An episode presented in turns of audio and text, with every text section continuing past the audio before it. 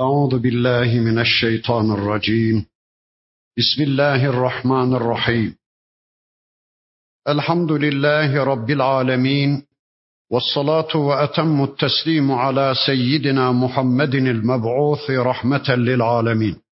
اللهم لا سهل إلا ما جعلته سهلا وأنت تجعل الحزن إذا شئت سهلا.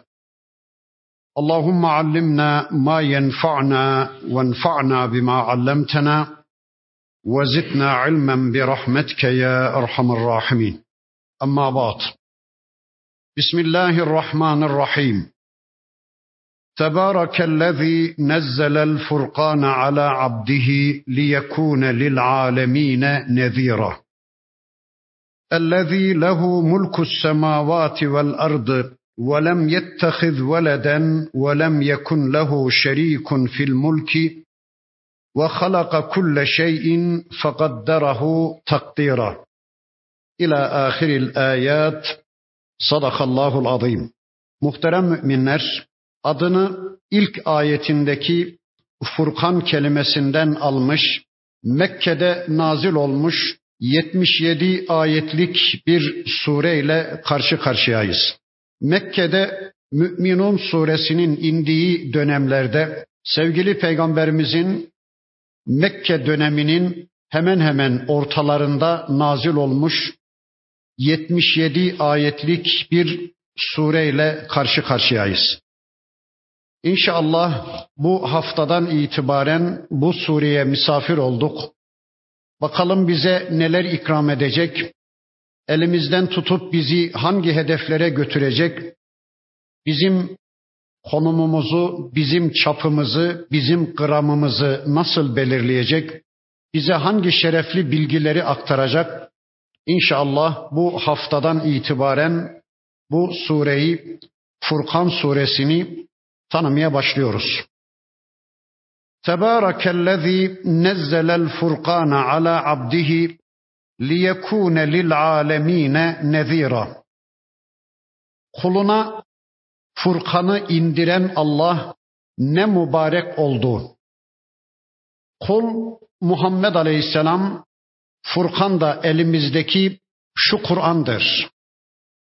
Kulu Muhammed Aleyhisselam'a Furkan isimli şu kitabı indirmekle Allah çok bereketli bir iş yapmıştır. Çok mübarek bir iş yapmıştır. Berekete kaynaklık etmiştir. Berekete konu tebrike layık bir iş yapmıştır. Kulu Muhammed Aleyhisselam'a ve onun şahsında hepimize Furkan ismindeki şu kitabını göndermekle Rabbimiz bizi bu dünyada karanlıklar içinde, cehalet içinde bocalamaktan kurtarmış, bizim cennet yollarımızı açmış, bizim cehennem yollarımıza barikatlar koymuş.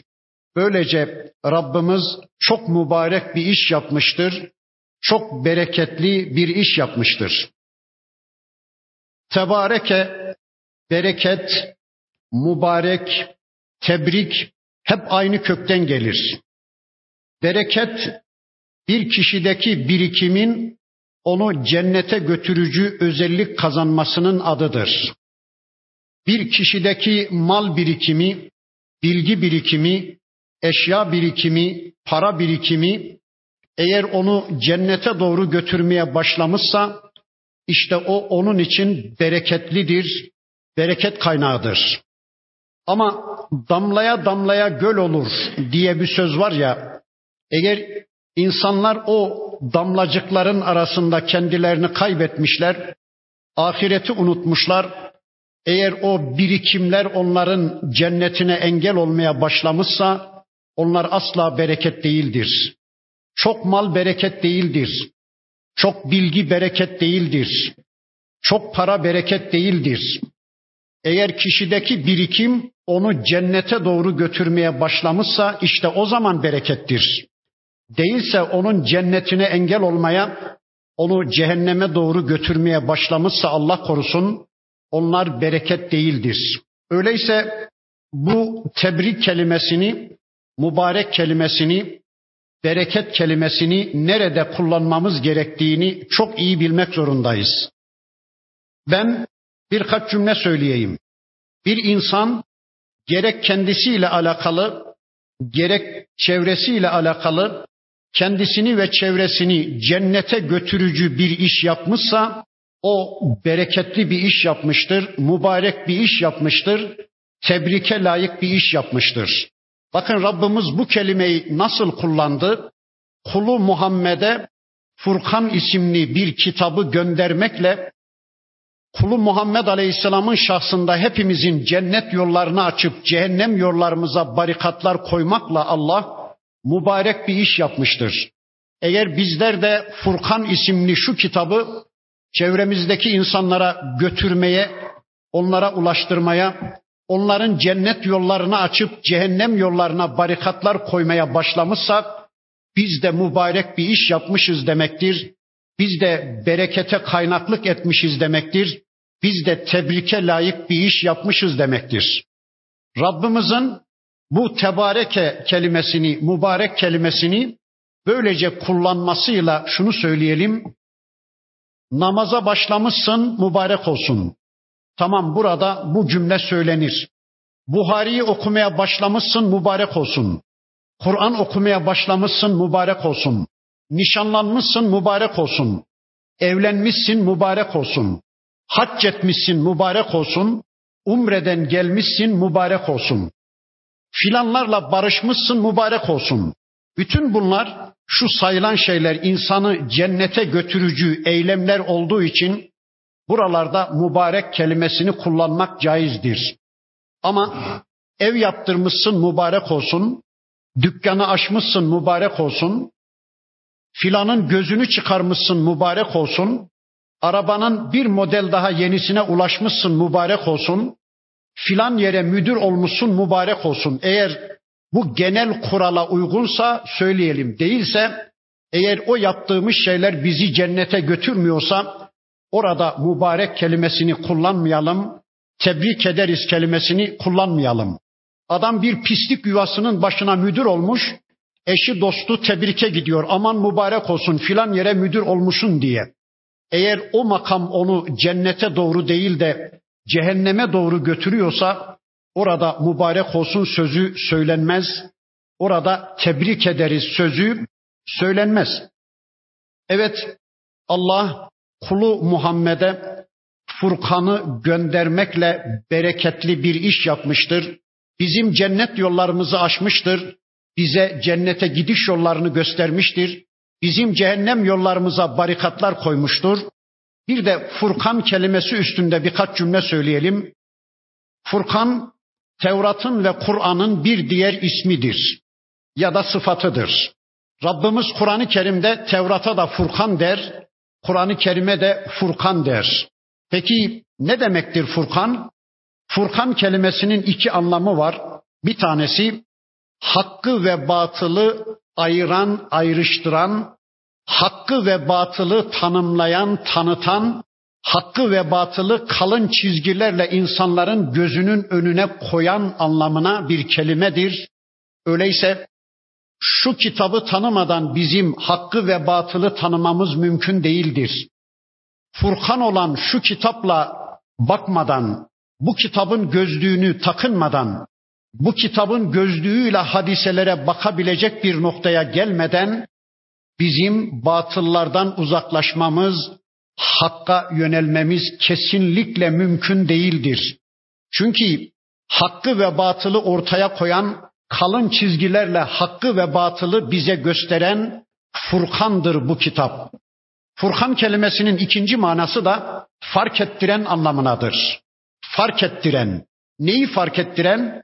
Bu kitapla baktığınız zaman, bu kitapla gördüğünüz zaman, bu kitapla konuşmaya, bu kitapla düşünmeye, bu kitapla yürümeye başladığınız zaman yolunuzdaki tüm kötülükleri, tüm şirkleri, tüm küfürleri, tüm isyanları, ilhatları, tüm bid'atleri, tüm bozuklukları görüverirsiniz, fark ediverirsiniz.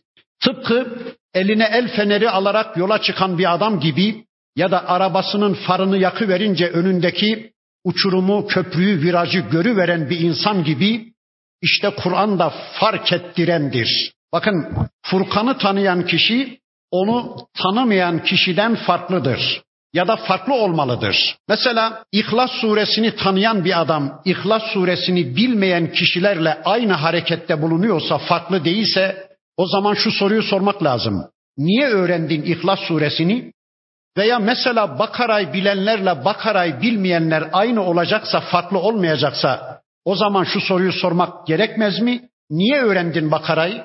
Yani Bakara'yı bilenle bilmeyen arasında bir fark olmayacaksa niye öğrendin Bakara'yı?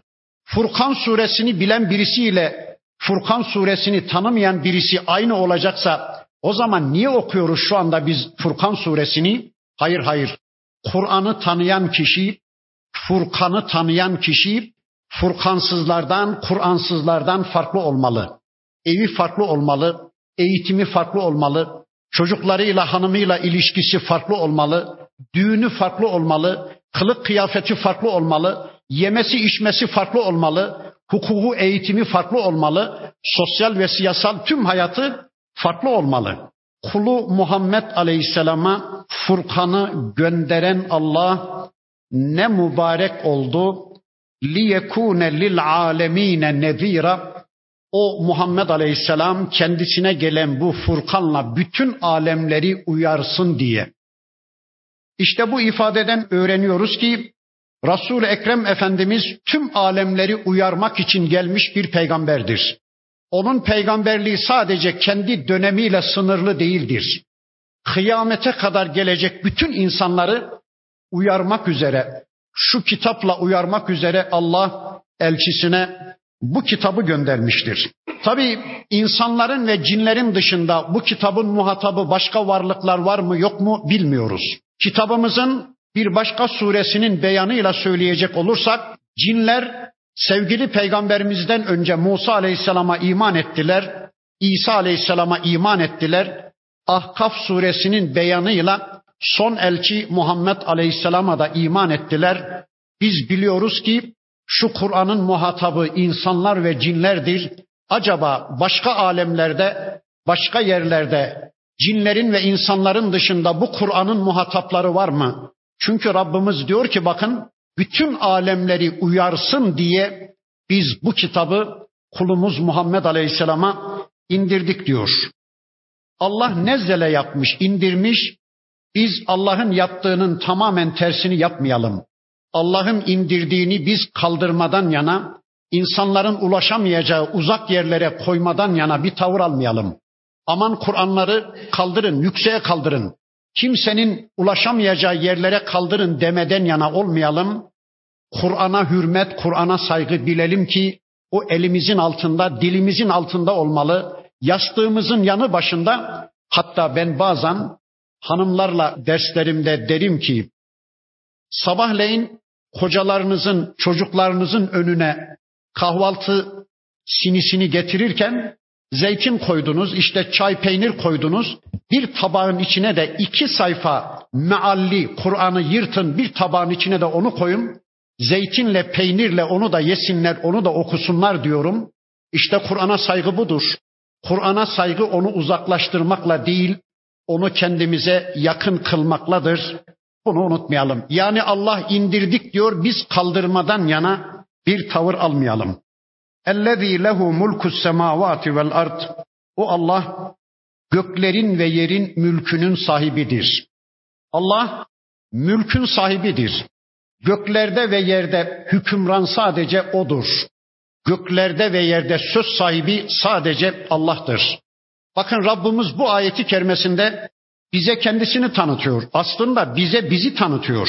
Bakın bu kitabı tanıyan kişi hem Allah'ı tanır hem de kendisini tanır. Bu kitabı tanımayan bir insan ne Rabbini tanır ne de kendisini tanır. Bu kitabı tanıyan bir kişi Allah'ı bilir, eşyayı bilir, varlıkları bilir, varlıkların var edicisini bilir, varlıkların varoluş sebebini bilir, Yine bu kitabı tanıyan kişi evrende kendi yerini, kendi konumunu bilir. Sahabe-i kiram efendilerimizden bir tanesi der ki, Kur'an'ı tanımayan bir kişi evrende gezip dolaşmasın. Çünkü Kur'an'ı tanımayan bir kişiye gezip dolaştığı yerler hiçbir şey söylemez. Önceki derslerimin birisinde demeye çalışmıştım. Tüm eşyanın, tüm varlıkların, tüm alemin fihristi bu kitaptır. Mesela şu kitapla Kabe'yi tanımayan bir adam, bu kitabı okuyarak Kabe'yi öğrenmemiş bir kişi, bırakın Kabe'yi tavaf etmesini, Kabe'nin kapısını açsalar içinde yatıp kalsa bile Kabe-i Muazzama o kişiye hiçbir şey söylemeyecektir.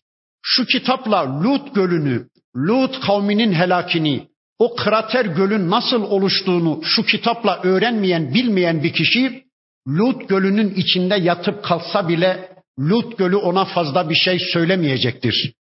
Bakın sahabe-i kiram efendilerimizden birisinin cümlesini bir daha tekrar edeyim.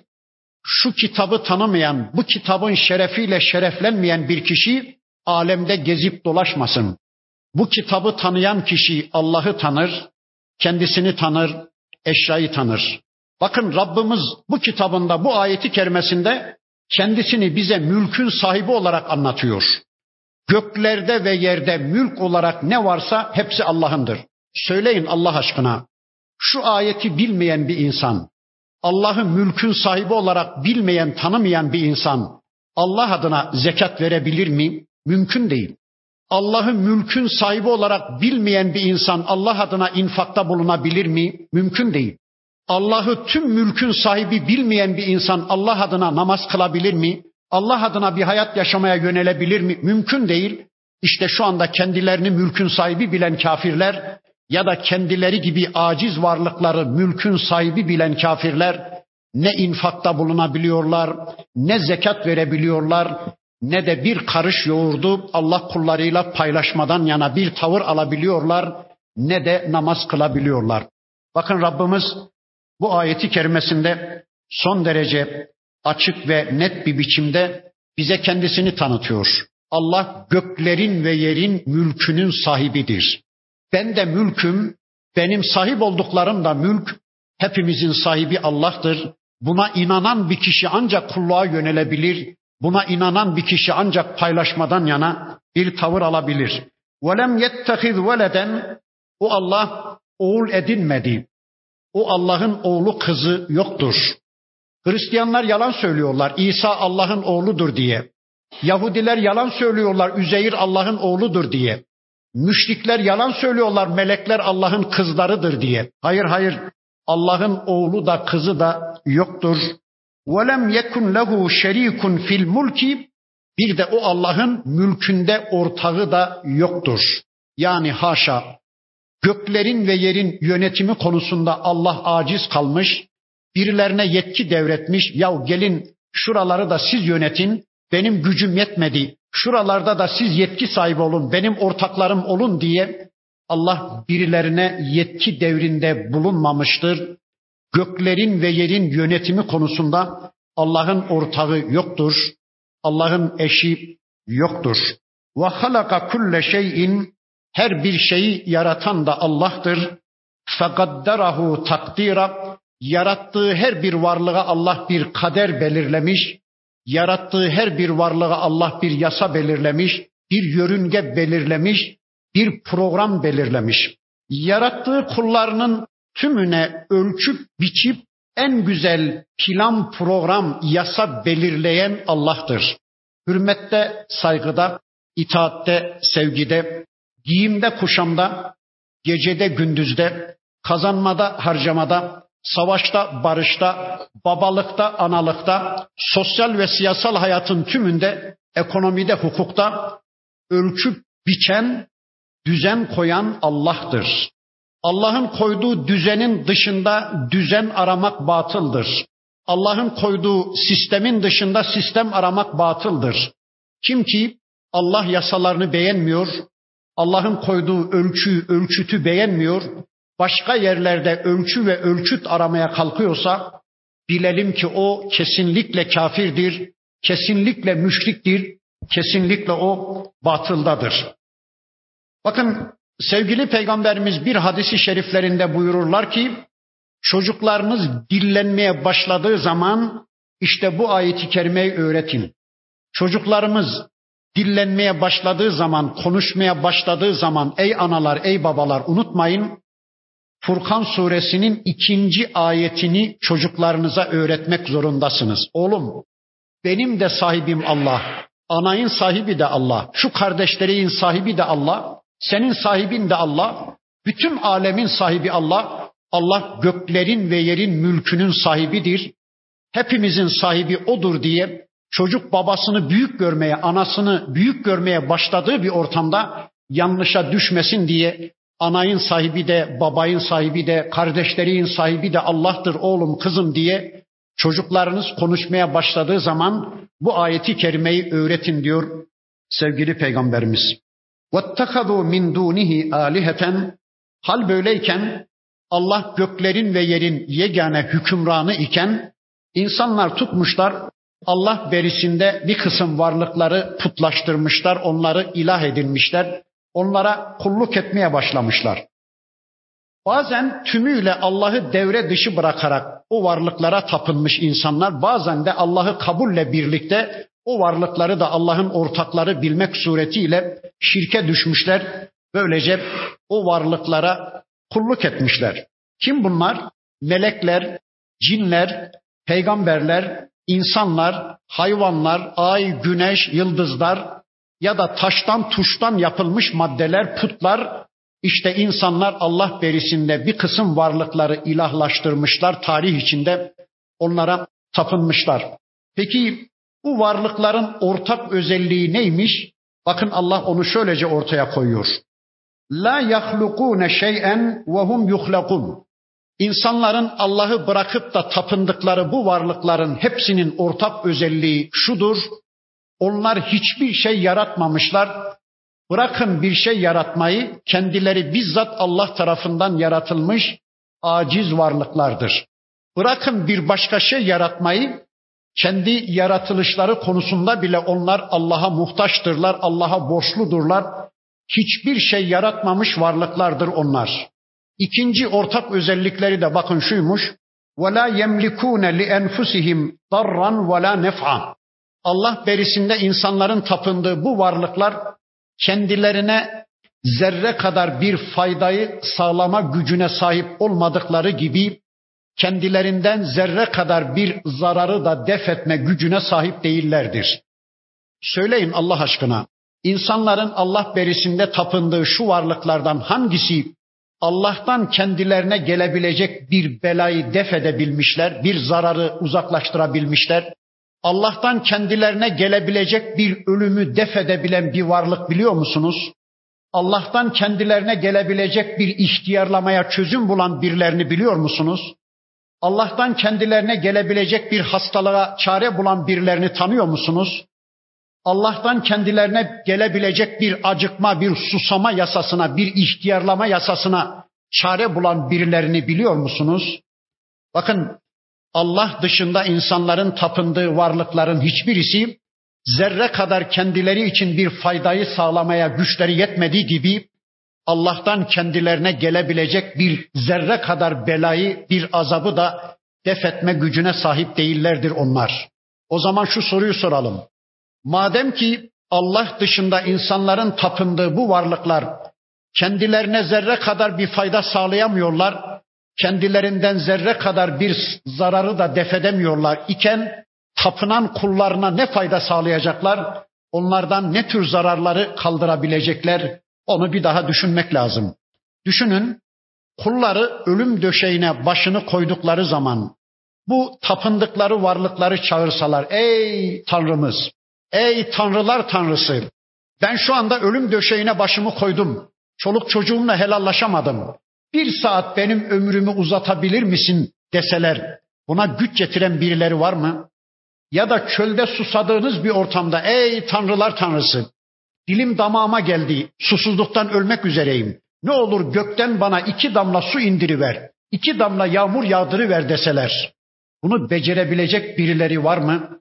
Hayır hayır şu insanların Allah berisinde tapındığı varlıkların hiçbirisi ne kendilerine zerre kadar bir fayda sağlamaya ne de kendilerine tapınan kullarına zerre kadar bir fayda sağlamaya ne kendilerinden ne de kendilerine tapınan kullarından zerre kadar bir kaderi, bir Allah belasını, bir Allah azabını, bir Allah yasasını, bir Allah zararını uzaklaştırma imkanına sahip değiller.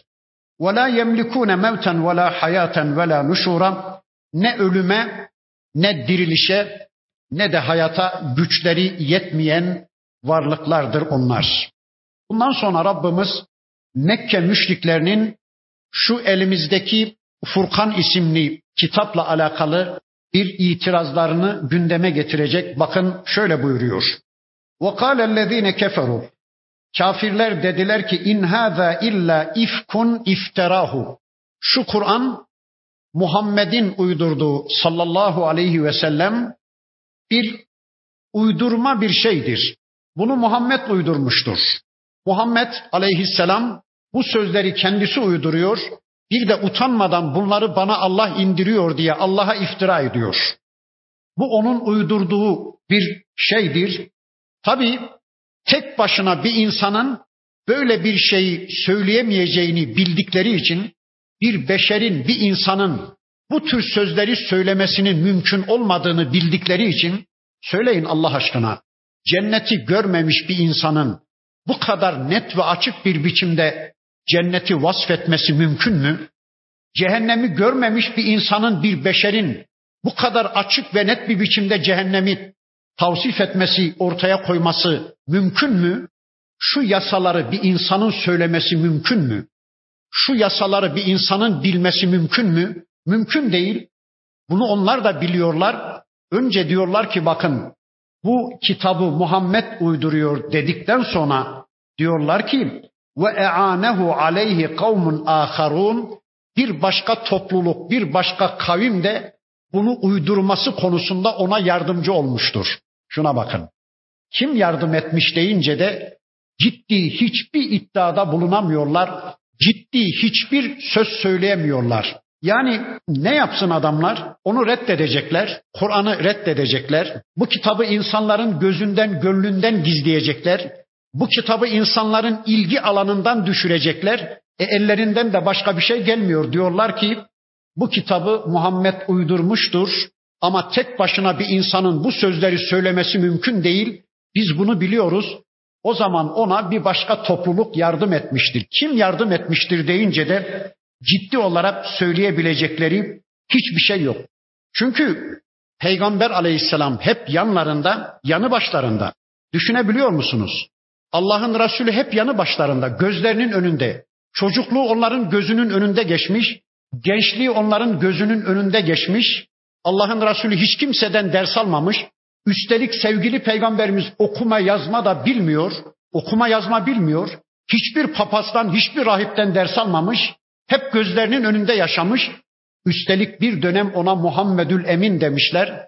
Babalarına, analarına, kadınlarına, kocalarına güvenmemişler de en kıymetli mücevherlerini götürüp onun evine teslim etmişler.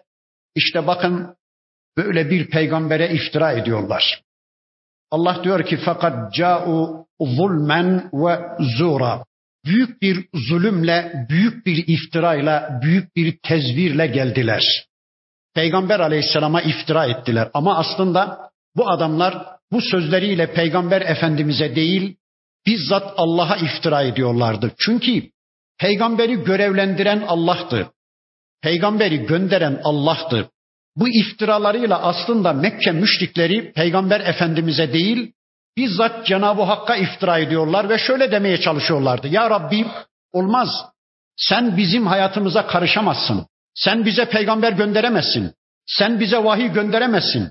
Sen bizim hayatımıza karışamazsın. Bizim istemediğimiz, sevmediğimiz şeyleri sen bize farz kılamazsın. Bizim alıştığımız, meftun olduğumuz şeyleri bize yasaklayamazsın. Ya Rabbi sen bizim keyfimizi kaçıramazsın. Sen bize program gönderemezsin. Sen bize vahiy gönderemezsin. Senin buna yetkin yok demeye çalışıyorlar. Böylece hainler Allah'a iftira ediyorlardı. Peki başka ne demişler? Demişler ki yine Kur'an hakkında وَقَالُوا اَسَاطِيرُ الْاَوَّلِينَ Bu kitap eskilerin masallarıdır, mitolojidir, efsanedir. Uygulanması, anlaşılması mümkün olmayan ütopik bir şeydir. Eskilerin masallarıdır. Bakın Kur'an hakkında eskilerin masallarıdır demeye çalışıyorlar. Kur'an'ı hafife almaya, onun değerini düşürmeye çalışıyorlar. Tabiri caizse güneşi balçıkla sıvamaya çalışıyorlar. Diyorlar ki bu eskilerin masallarıdır. Kendileri bizzat masal öğrenmeye çalışmışlar. Demişler ki ya gidelim İran'a, İran'ın İsfendiyar masallarını öğrenip gelelim. Eski Yunanistan'a gidelim, İskender masallarını öğrenelim. Roma'ya, Bizans'a gidelim. Oradaki meşhur masalları öğrenip gelelim. Mekkelilere o masalları okuyalım. Dolayısıyla insanlar bu Kur'an'ı dinlemesinler. O masallarla insanları öyle bir meşgul edelim ki, o masallarla insanların kafasını öyle bir dolduralım ki, insanların kafasında Kur'an sünneti dinleyebilecek yer kalmasın. Gitmişler İran'a, gitmişler Bizans'a, gitmişler eski Yunanistan'a. Oralardan eskilere ait masalları öğrenmişler, gelmişler. Mekkelilere o masalları anlatmaya çalışıyorlar ama insanlar gülüp geçiyorlar. Hiç kimse o masalları dinlemiyor. Şimdiki kafirler de aynı şey yapmaya çalışıyorlar. Çocukların kafasını ilkokuldaki, ortaokuldaki, lisedeki, üniversitedeki talebelerin kafasını öyle muzahrafatlarla, lüzumsuz bilgilerle öyle bir dolduralım ki A kare, B kare, C kare, kurbanın bağırsağı, Fujiyama yanardağı, Everest tepesinin yüksekliği, filan ülkenin nehirleri, o nehirlerin debileri, rejimleri, filan ülkenin gölleri, filan ülkenin iklimi, filan ülkenin ekonomisi, filan ülkenin bitki örtüsü, A kare, B kare, C kare lüzumsuz bilgilerle gençlerin kafasını öyle bir dolduralım ki orada Kur'an ve sünnete yer kalmasın. Bütün dertleri bu. Masallar öğrenmişler, gelmişler ama o masallar gerçekten hiç de tutmamış. Bakın diyorlar ki bu Kur'an eskilerin masalıdır. Şu anda bilimi putlaştıranlar da artık bilimin çözemeyeceği bir şey kalmadı. Bizim bu kitaba ihtiyacımız kalmadı. Bu kitabın tebliğcisi Hazreti Muhammed Aleyhisselam'ın sünnetine ihtiyacımız kalmadı diyen modernist kafirler de bakın şu anda şöyle diyorlar. Bu kitap eskiden bir işe yaramış. Eskiden insanlar bu kitapla hayatlarını düzenlemişler ama şu anda artık bilimin çözemeyeceği bir şey kalmadı. Eskiye ait bir şey bu. Bize daha yeni, daha özgün, daha biz ifadeli, bizim parlamentomuzla, bizim demokrasimiz, laikliğimizle, bizim balolarımız, viskilerimizle, bizim pikniklerimiz, plajlarımızla, bizim kılık kıyafetimizle, bizim sosyal hayatımızla ilgili daha çağdaş, daha özgün, daha yeni kitaplar lazım demeye çalışıyor bugünün kafirleri de. Ama onların hepsini bir kenara bırakıyorum. Şu anda Müslümanlar Allah korusun dünkü Mekke müşriklerinin Kur'an hakkında söyledikleri sözün aynısını söylüyorlar. Farkında olarak ya da olmayarak.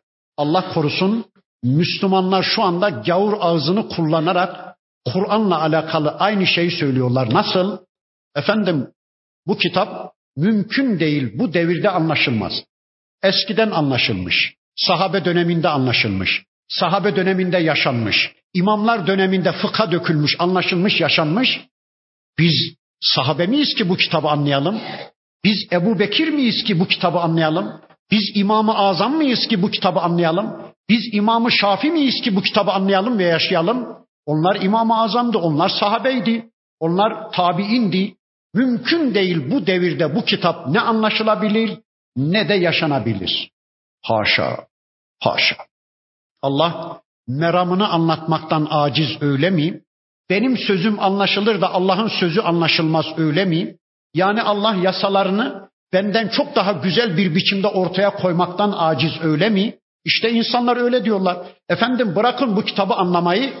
Biz zavallı kullar bu mübarek kitabı elimize almaya bile layık değiliz diyerek öyle ürkekçe bir tavır sergiliyorlar ki sanki bu kitap eskilerin masalı, eskiden bu kitap anlaşılmış. Hatta hatta bu kitabın bizden şu anda istedikleri sanki ütopya, hayal aleminde şeyler, yaşanmayacak, uygulanmayacak şeyler mümkün değil efendim. Bu dönemde bu kitap yaşanmaz demeye çalışanlar da dünkü Mekke müşriklerinin Kur'an hakkında söyledikleri sözlerin aynısını mı söylüyorlar? Allah için ey Müslümanlar, şu kafirlerin ağızlarını kullanmaktan bir vazgeçin de kitabınızı öğrenmek için bir yönelin. Allah size imkan verecek, fırsat verecek. Evet diyorlar ki bu eskilerin masalıdır. İktetebeha fehiye tümla aleyhi bukraten ve asıyla akşam sabah birileri bunu Muhammed'e yazdırıyor, imla ettiriyor. O da utanmadan bunları bana Allah indirdi diye bize okuyor diyorlar. Peki onların bu iddialarına karşı son derece tutarsız ve anlamsız iddialarına karşı bakın Allah hiç üzerinde durmadan şöyle bir cevap veriyor. Biz de şu cevabı vermek zorundayız böyle diyenlere. Kul de ki peygamberim enzelehu lezi ya'lemu sirra fis semavati vel ardı. Bu kitap masal değil. Bu kitap eskilerin masallarını ihtiva ediyor filan değil. Bu kitap göklerin ve yerin sırrını bilen, göklerin ve yerin esrarını bilen, göklerin ve yerin tüm gizliliklerini bilen, bilgi kendisinden olan, bilginin kaynağı olan, sadece sizi değil, göklerde ve yerde canlı cansız ne varsa hepsinden haberdar olan, hepsine program yapan, hepsinin Rabbi olan, hepsinin rızkını, hepsinin hastalığına şifa verme gücüne sahip olan bir Allah'ın bilgisidir. Bu masal değil. Boşuna kendinizi yormayın ey Mekke müşrikleri, ey 20. asrın kafirleri. İnnehu kana gafuran rahima ve o Allah kullarına karşı son derece gafur ve rahimdir. Bunu da şöyle anlıyoruz.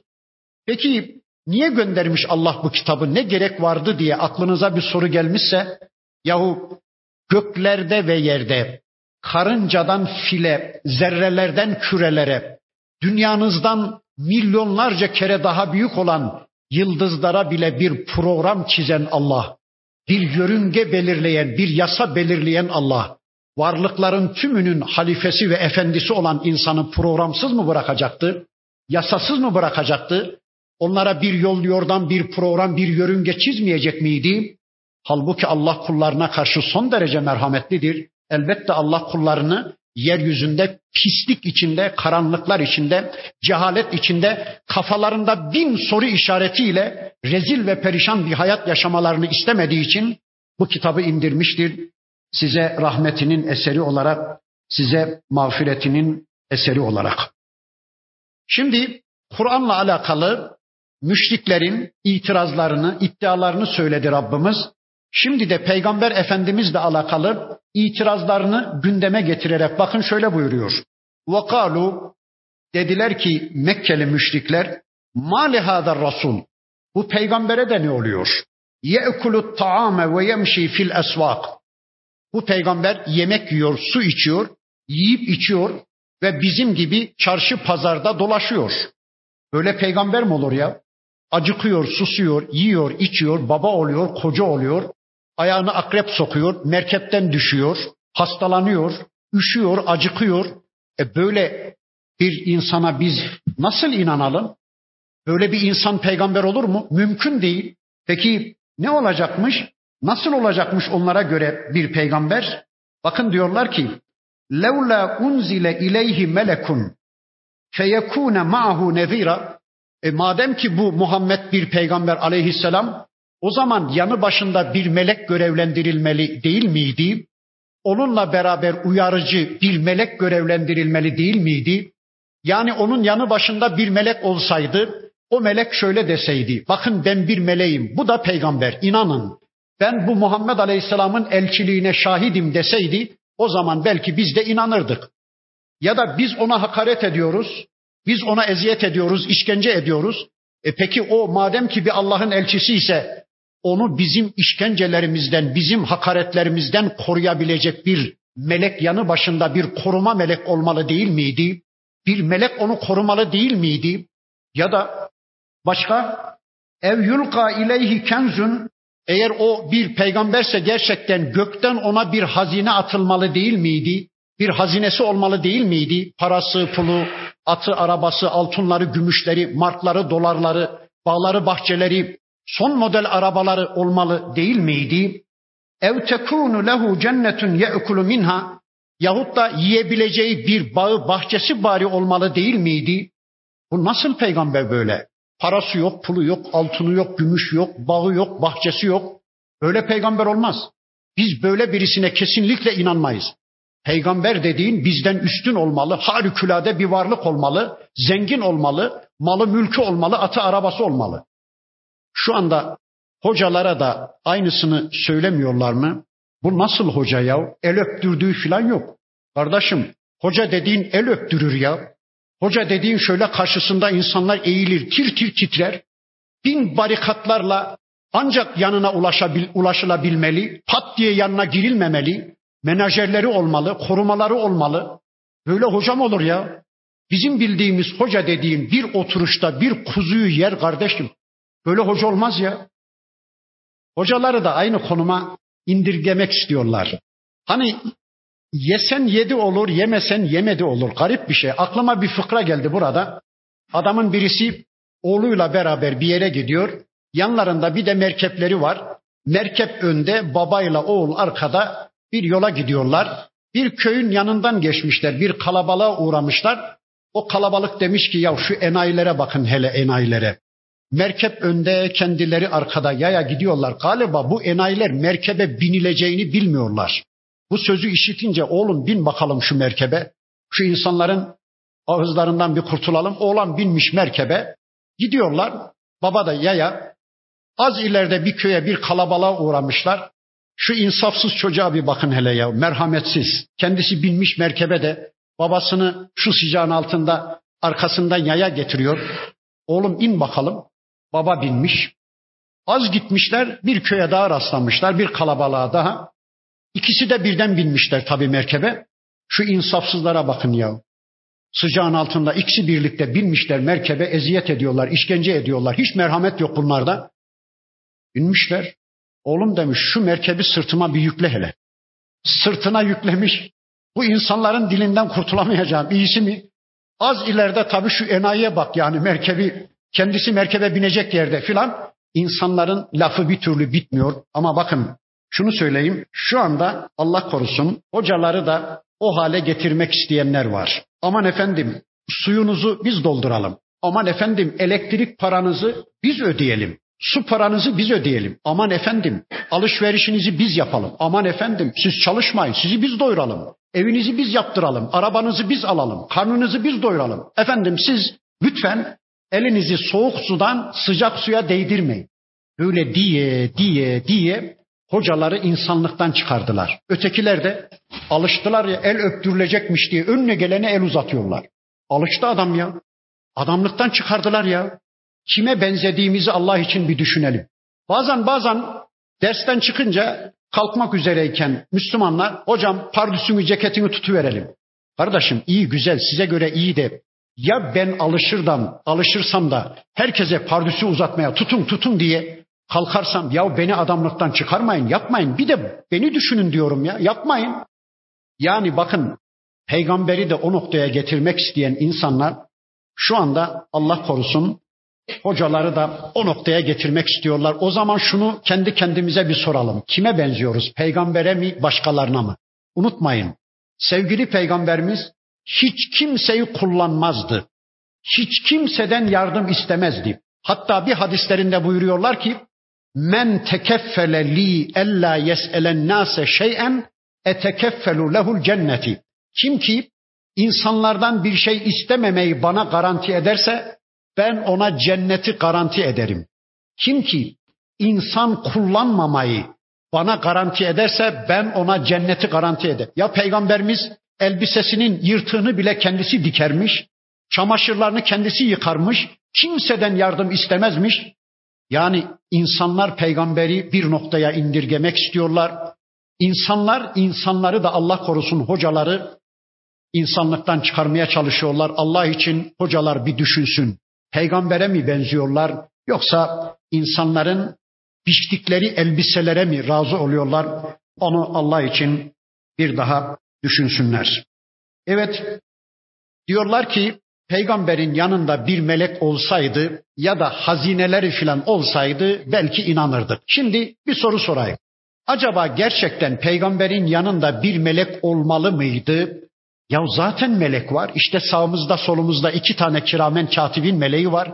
Önümüzde ardımızda hafaza melekleri var. Bizi kazalardan belalardan koruyan. Zaten şu vahiy Cebrail indiriyor peygamberimize. E melekler var peygamberin etrafında ama görmüyor hainler. Görmüyor hainler. Peki ikinci soruyu sorayım. Acaba peygamber efendimizin hazineleri olmalı mıydı? Allah ona hazine vermeli miydi?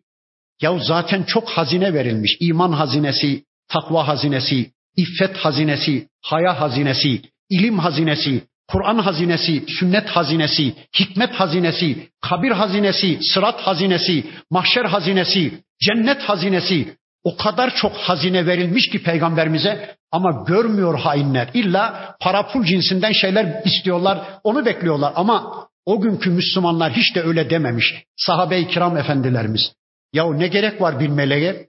İşte zaten bu Kur'an'ı Peygamber Efendimiz'e Cebrail isimli melek getiriyor.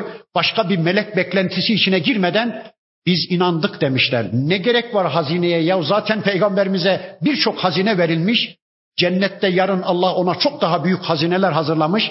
Biraz sonra inşallah ayet okuyacağım. Böyle bir beklenti içine girmeden sahabe-i kiram efendilerimiz iman edivermişler. Biz de bugün bu tür beklentiler içine girmeden işte şu anda iman ediyoruz. Bakın Allah diyor ki: "Vakale zalimun in tettebiun illa raculen mashura." Kafirler diyorlar ki Müslümanlara, o iman eden müminlere diyorlar ki siz büyülenmiş bir adama tabi oluyorsunuz.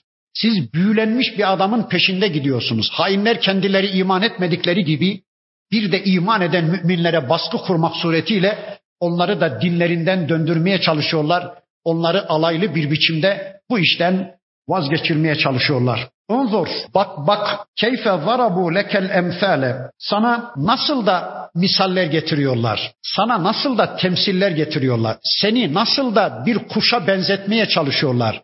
Sana nasıl da farklı elbiseler biçmeye çalışıyorlar. Ey peygamberim bir baksana. Seni nerelere getirmeye çalışıyorlar bir baksana. Bakın Allah diyor ki ey peygamberim seni onlar seçmedi, seni onlar görevlendirmedi. Dinleme hiçbirisini. Sen beni dinle ey peygamberim. Senin Rabbin benim. Seni elçi olarak görevlendiren benim. Sen insanlar adına bir hayat yaşamaktan vazgeç. Benim istediğim gibi bir hayat yaşa. Benim istediğim gibi giyin. Benim istediğim gibi yürü. Benim istediğim gibi Müslümanca bir hayat yaşa. Bırak insanlar ne derlerse desinler. Hiç mi hiç ilgilenme. Sen benim görevlimsin, sen benim elçimsin. Benim istediğim gibi hareket et ey peygamberim.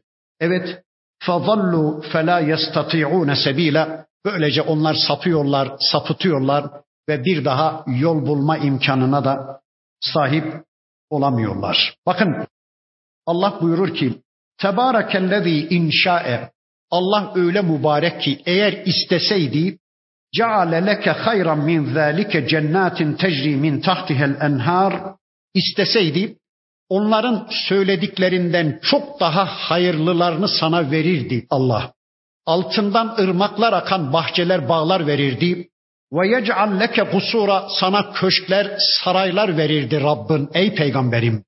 Yani şu anda Allah sana onların dedikleri şeyleri vermiyorsa ona gücü yetmediği için değil ya da seni sevmediği için değil ey peygamberim. Şunu unutma ki Allah sizin yaranızı kavuz almasın diye sudan koruduğunuz gibi sevdiği kulları da dünyaya tapınmaktan, dünyaya aldanıp gitmekten korumaktadır.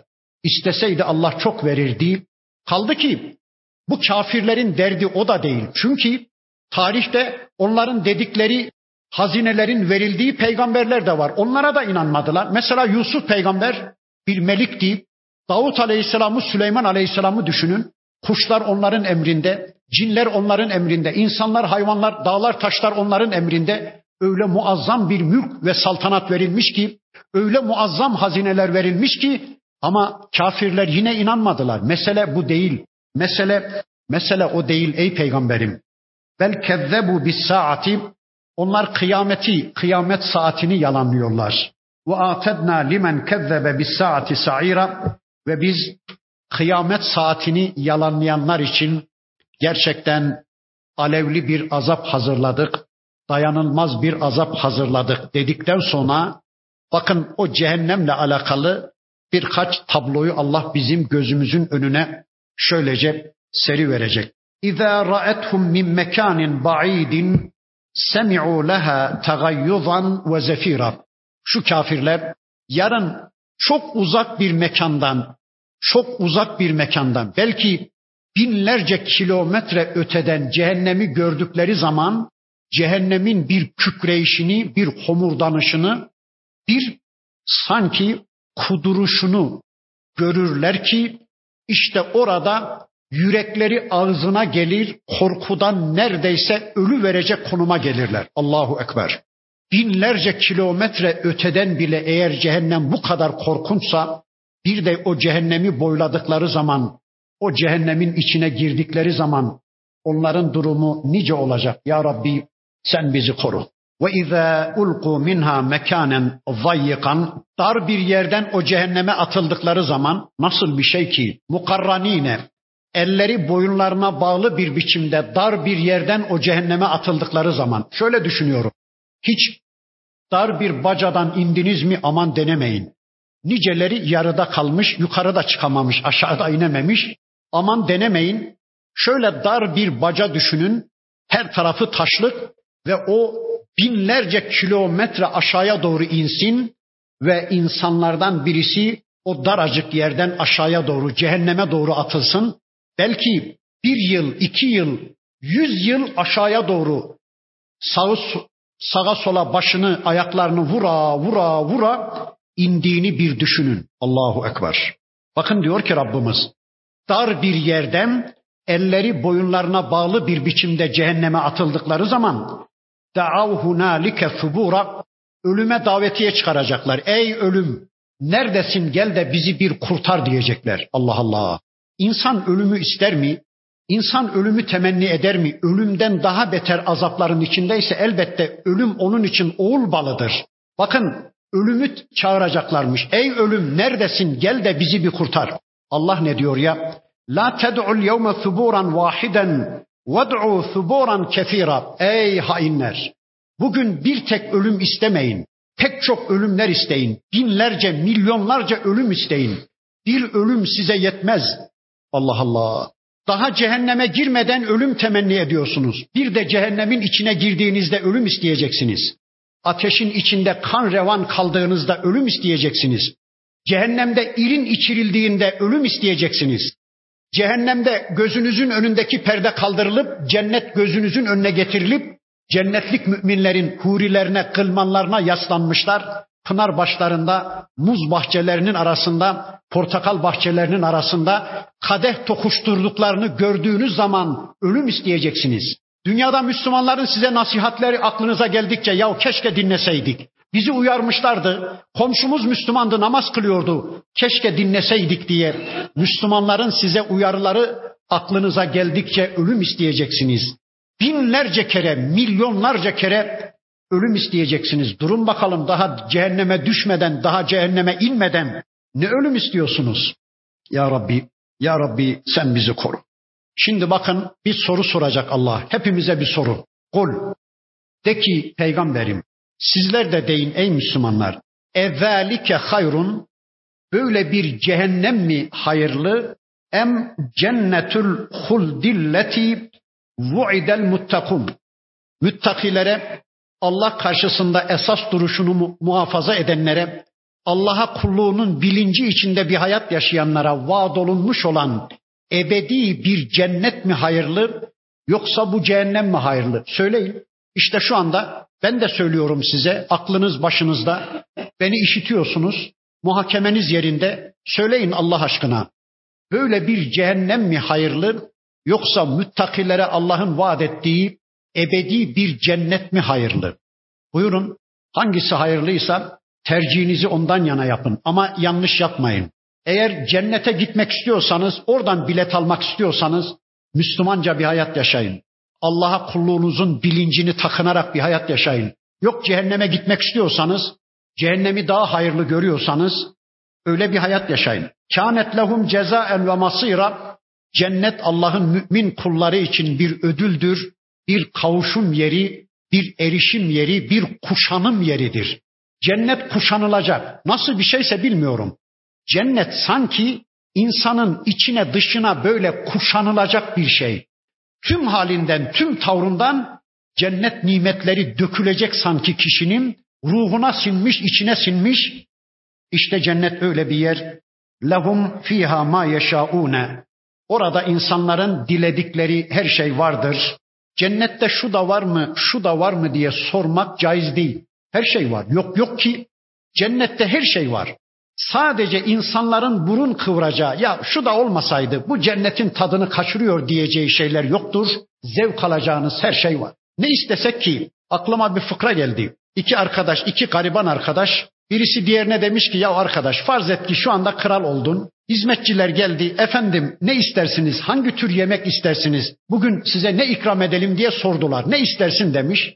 Öteki gariban demiş ki yahu be kardeşim ben soğanın cücüğünden başka bir şey yemek mi gördüm sanki? Ben ayran ve pilavdan başka bir şey bilmem ki. Ben ayran getirin, pilav getirin derim. Bakın şu anda bize dese ki Allah ne istersiniz? Elma, portakal, limon. Başka bildiğimiz bir şey yok ya. Ama orada bunlar dünyada Allah'ın bize tattırdığı numuneler. Cennetteki nimetlerin gölgesi bile değil bunlar. Gölgesi, gölgesi. Daha başka neler var kim bilir Allah diyecekmiş gibi de şunlara bakın hele. Allah Allah. Hiç bilmediğimiz, hiç duymadığımız tatta, renkte, kokuda yepyeni meyveler var, yepyeni zevkler var. Bilmiyoruz ki. Şimdi bir şey isteyemeyiz. Yarın Allah gösterecekmiş. Kulum bak şunlar da var. Kulum şunlar da var. Kulum şunlar da var. Getir ya Rabbi hepsi gelsin. Fazla mal göz mü çıkarır? Hepsi gelsin diyecekmişiz. Şu anda dünyada işte tatlı, ekşi, acı, tuzlu, mayhoşu başka var mı? Herhalde beş tane bir tat tattık şu ana kadar. Başka bilmiyoruz. Öbür tarafta daha ne tatlar var, ne zevkler var bilmiyoruz ki. Bunlar numuneydi. Allah dünyada bize tattırdı. Öbür tarafta daha ne güzelleri var. Bakın Allah diyor ki, lehum fiha ma yeşaun. Orada onların istedikleri her şey var. Orada onların diledikleri her şey var. Halidine ve ebediyen onlar orada kalacaklar. Kana ala rabbike va'den mes'ula. İşte Allah'ın kendi kendini sorumlu kıldığı bir vaadidir bu. Kimse Allah'a baskı yapamaz. Kimse Allah'ı zorlayamaz ama Allah kendi kendine vacip kılmış, kendi kendini sorumlu kılmış. Ben bana kulluk eden kullarıma böyle gözlerin görmediği, kulakların duymadığı, akıl ve hayallerinden bile geçiremeyeceği nimet sofraları hazırlayacağım diye kendi kendine vacip kılmış Allah. İşte bu Allah'ın kendi kendine sorumlu kılmasıdır. İnşallah Allah'ın istediği biçimde kulluklar icra ederek Rabbimize kavuşalım. O cennet bizim olsun. O devlet, o nimet bizim olsun. Rabbimizin cemalini de görebilecek bir ortamda cennette inşallah birlikte tekrar buluşalım, görüşelim. سبحانك اللهم وبحمدك أشهد أن لا إله إلا أنت أستغفرك وأتوب إليك والحمد لله رب العالمين.